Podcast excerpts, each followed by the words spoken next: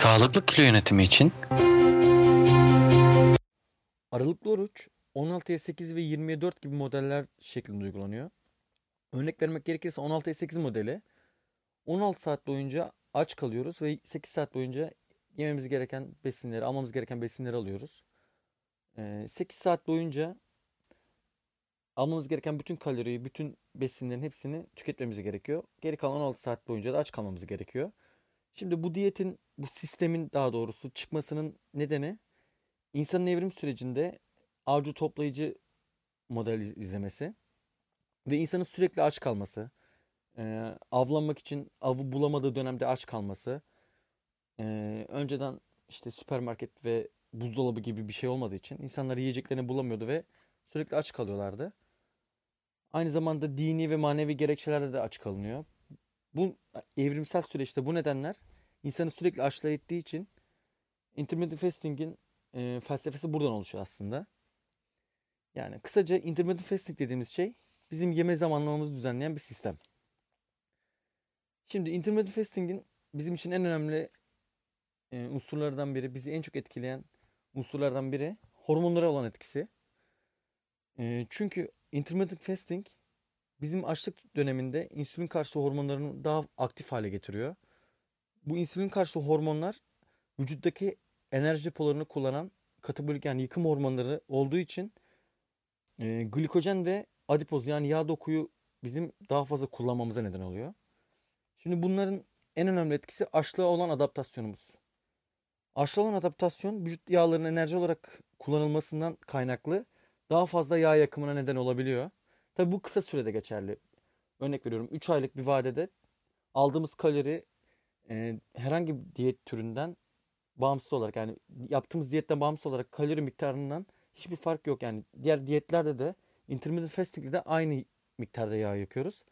Fakat kısa sürede yapılan bir araştırmada intermittent fasting'in diğer diyetlere olarak nazaran daha fazla yağ yaktırdığını gözlemlenmiş. Ve e, bu hormonların etkisi sayesinde daha fazla enerji ve daha yüksek bir odaklanmaya neden olduğu gösterilmiş. Bunun en büyük nedeni insülin dalgalanması şey, yaşanmaması ve kan şekerinin sabit kalması. Bir de insülin karşıtı bir hormon olan adrenalinin daha yüksek salgılanması olduğu da düşünülüyor. Şimdi büyüme hormonu da arttırdığı gözlemlenmiş. 5 kat kadar büyüme hormonu artışı gözlemleniyor. Fakat şimdi hormonların akut ve kronik etkileri olur. Ee, bu büyüme hormonunun akut etkisinden kaynaklı bir etki. Akut etkisi büyüme hormonunun çok e, bizim için geçerli bir etki değil. Yani büyüme hormonunun bu gençlik, anti-aging etkileri e, ve yağ yakımı, işte kas yapımı etkileri bizim için e, pek önemli değil. Diğer hormonların etkilerine nazaran çok minik bir etki büyüme hormonunun akut olarak artmasının pek bir önemi yok bizim için. Intermittent fasting zayıflama amaçlı kullanılması gereken bir diyet. Çünkü biz gün bir gün için düşünürsek çok daha az öğün alıyoruz. Yani maksimum 2 veya 3 öğün alabiliyoruz. Bu sayede daha az kalori alıyoruz ve hormonal sistemimiz açlık adaptasyonu çok iyi sağladığı için e, zayıflama yönelik, yönelik kullanmamız bizim için çok daha mantıklı. Metabolizma hızımızı da %10 kadar arttırdığı gösteriliyor ortalama olarak araştırmalarda. Intermittent fasting çoğu zaman e, kilo vermeye yağ konusunda olumlu etkileri gözlemleniyor yani. E, bir araştırmada 3 ila 24 hafta boyunca aralıklı orucu yapan kişilerde yağ oranının %3'ten 8'e kadar azaldığını, bel çevresindeki yağlanmanın da %4'ten 7'ye kadar azaldığı gözlemleniyor. Bu araştırmalarının diğer diyetlere göre e, daha az kas kaybı da sağladığı gözlemleniyor. Bu araştırma, aynı araştırmalarda. Tabi bunların hepsinde kalori kısıtlı diyetler yapılıyor. Intermittent fasting ve diğer diyetlerde de kalori kısıtlamalı oluyor. Intermittent fasting bu etkileri yani kilo verme etkilerini sağlamasının kilo verme üzerinde yağ yakım üzerindeki tüm etkilerinin en büyük nedeni daha az kalori almayı bizim için daha kolay bir hale getiriyor. Diğer türlü mucizevi veya sihirli bir etkisi yok aslında bizim için. Yani aslında hormonal etkileri de bizim için açlığa daha iyi bir uyumunu sağladığımız için bize daha fazla kilo vermemizi sağlıyor. Daha uygulanabilir bir hale getiriyor. İnsan yaşamına daha uyumlu bir hale getirdiği için bu beslenme tarzını biz daha kolay kilo verme sürecine adapte oluyoruz ve daha kolay kilo veriyoruz ve diyeti bozmaya daha az yatkın oluyoruz. Şimdi sağlık yönünden insülin direncine de bir etkisi var. İnsülin direncine e, olan etkisi olumlu yönde. Yani insülin direncini kırmamıza daha çok olanak sağlıyor. İnsülin direncini e, kırdığımız için tip 2 diyabete karşı da bizi koruyor. Bazı araştırmalar enflamasyonlardan e, bizi koruduğunu ve enflamasyonların e, iyileştirdiğini gösteriyor. Aynı zamanda o aralıklı oruç kötü kolesterol dediğimiz LDL'nin azalmasını kan lipid profilinde de olumlu bir seyir oluşturmasını e, gözlemlemiş. İnsülin direncinde azalma ve enflamasyonlarda azalma sağladığı için hep beraber e, bu risk faktörleri kalp sağlığı için önemli olduğu için kalp sağlığında önemli bir yere sahip intermittent fasting aslında bir yandan. Hayvanlar üzerinde yapılan bir araştırmada da kansere karşı koruyucu bir etki olduğu, koruyucu bir etkisinin olduğunu da gösteriyor. Ama intermittent fasting'i e, çok zayıfsanız, yeme bozukluğunuz varsa, şeker hastasıysanız ya da düşük tansiyonunuz varsa yapmanız yanlış olabilir. Ayrıca kadınların e, regl döngüsü veya bir doğurganlık sorunu veya hamile kalma istediği hamile kalma istediği bir dönemdeyse intermittent fasting yapılması sıkıntılı olabilir. Zaten kadınların e, intermittent fasting yani aralıklı orucu e, daha özel yapması gerekiyor ve daha e, bilinçli bir şekilde en azından bir diyetisyen işini yapması gerekiyor. Kontrol etmesi gerekiyor sürekli.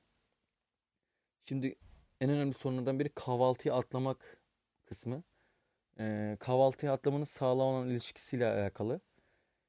Şimdi siz eğer e, tokluk sürecinde almanıza gereken protein, vitamin, mineral ve kalori ihtiyacınızı e, düzgün bir şekilde sağlayabiliyorsanız, karbonhidrat protein oranını dengeleyebiliyorsanız örneğin spor yaptığınız dönemde sizin için kahvaltıya atlamak zannettiğiniz gibi sağlıksız bir durum değil.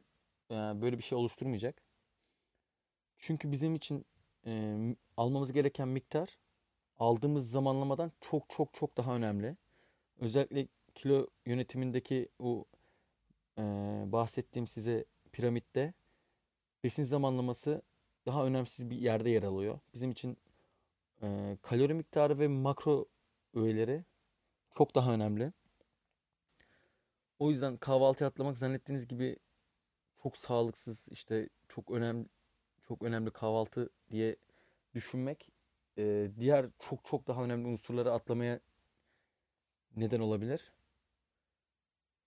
Benim tavsiyem 16'ya 8 metodunu kesinlikle başlayacaksanız intermittent fasting ve aralıklı oruç yapıyorsanız 16'ya 8 metodunu uygulamanız. Diğer metotlar hem daha zor hem daha günlük hayata uyarlaması çok daha sıkıntılı olabilir yani. Bir gün boyunca aç kalmak mesela çok sıkıntı bir durum. Ya da sadece 4 saatte almanız gereken bütün kaloriyi almaya çalışmak sinirim şikayetlerine neden olabilir. Ya da eğer vitamin, mineral gibi besin takviyeleri kullanıyorsanız bu takviyeleri yemekle birlikte almak emilimlerin açısından çok daha önemli. Yani yükseltiyor emilimi. Bazı mineral vitaminlerin e, besinlerle alınması daha iyi oluyor. Şimdi spor yapılıyorsa e, aralıklı oruçla beraber spor yapılıyorsa spor aktivitesi açlık döneminin sonuna denk getirilmeli. E, spor çıkışı da ilk öğün alınmalı. Çünkü e, tam tokluk döneminin ortasına denk getirildiğinde hem sindirilmemiş olabiliyor. Yani dolu bir mideyle spor yapmak daha sıkıntılı olabiliyor. O yüzden hem bir de enerji hissetmek için aslında kahve içip bir kahve içip yani sade bir kahve içip spor aktivitesinden sonra gidip yemek yemek çok daha mantıklı. Şimdi sporda bir de kas kaybı mevzusu var. Kas kaybı mevzusunda e, protein alınmadığı için spora gidilmeden önce kas kaybı oluşabilir gibi bir fikir oluşuyor insan hakkında. Ama e, yapılan bir araştırmada bir öğün, üç öğün ve altı öğün şeklinde alınması gereken proteini dağıtıldığında bir öğün alanla üç öğün alan ve altı öğün alan arasında hiçbir fark oluşmuyor e, azot dengesi bakımından. Yani bu ne demek? Vücut proteini olarak proteinin değerlendirilmesinde hiçbir fark oluşmuyor. Aslında bizim proteini ne zaman aldığımızın çok da bir önemi yok. Bunun yanında proteinin e, kalitesi, proteinin miktarı ve alınan kalori çok çok daha önemli. Yani çok kal- düşük kalorili bir diyette siz istediğiniz kadar proteinin zamanlamasına dikkat edin. Çok çok düşük kalorili, çok çok düşük bir protein diyette daha fazla kas kaybı yaşarsınız. Dinlediğiniz için hepinize teşekkür ederim. İyi günler.